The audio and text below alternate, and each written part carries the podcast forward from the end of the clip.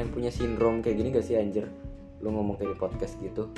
Akhir gue punya podcast bro udah lama sih. Tapi gue bingung anjing mau bahas apa. Tapi sekarang bahasan gue banyak. Jadi banyak aja gitu. Jadi uh, bisa gue tolong semua di sini walaupun penyakit gue tuh udah stadium 4 si penyakit podcast ini dan oke okay, enjoy ya. Anjing jijik gak sih?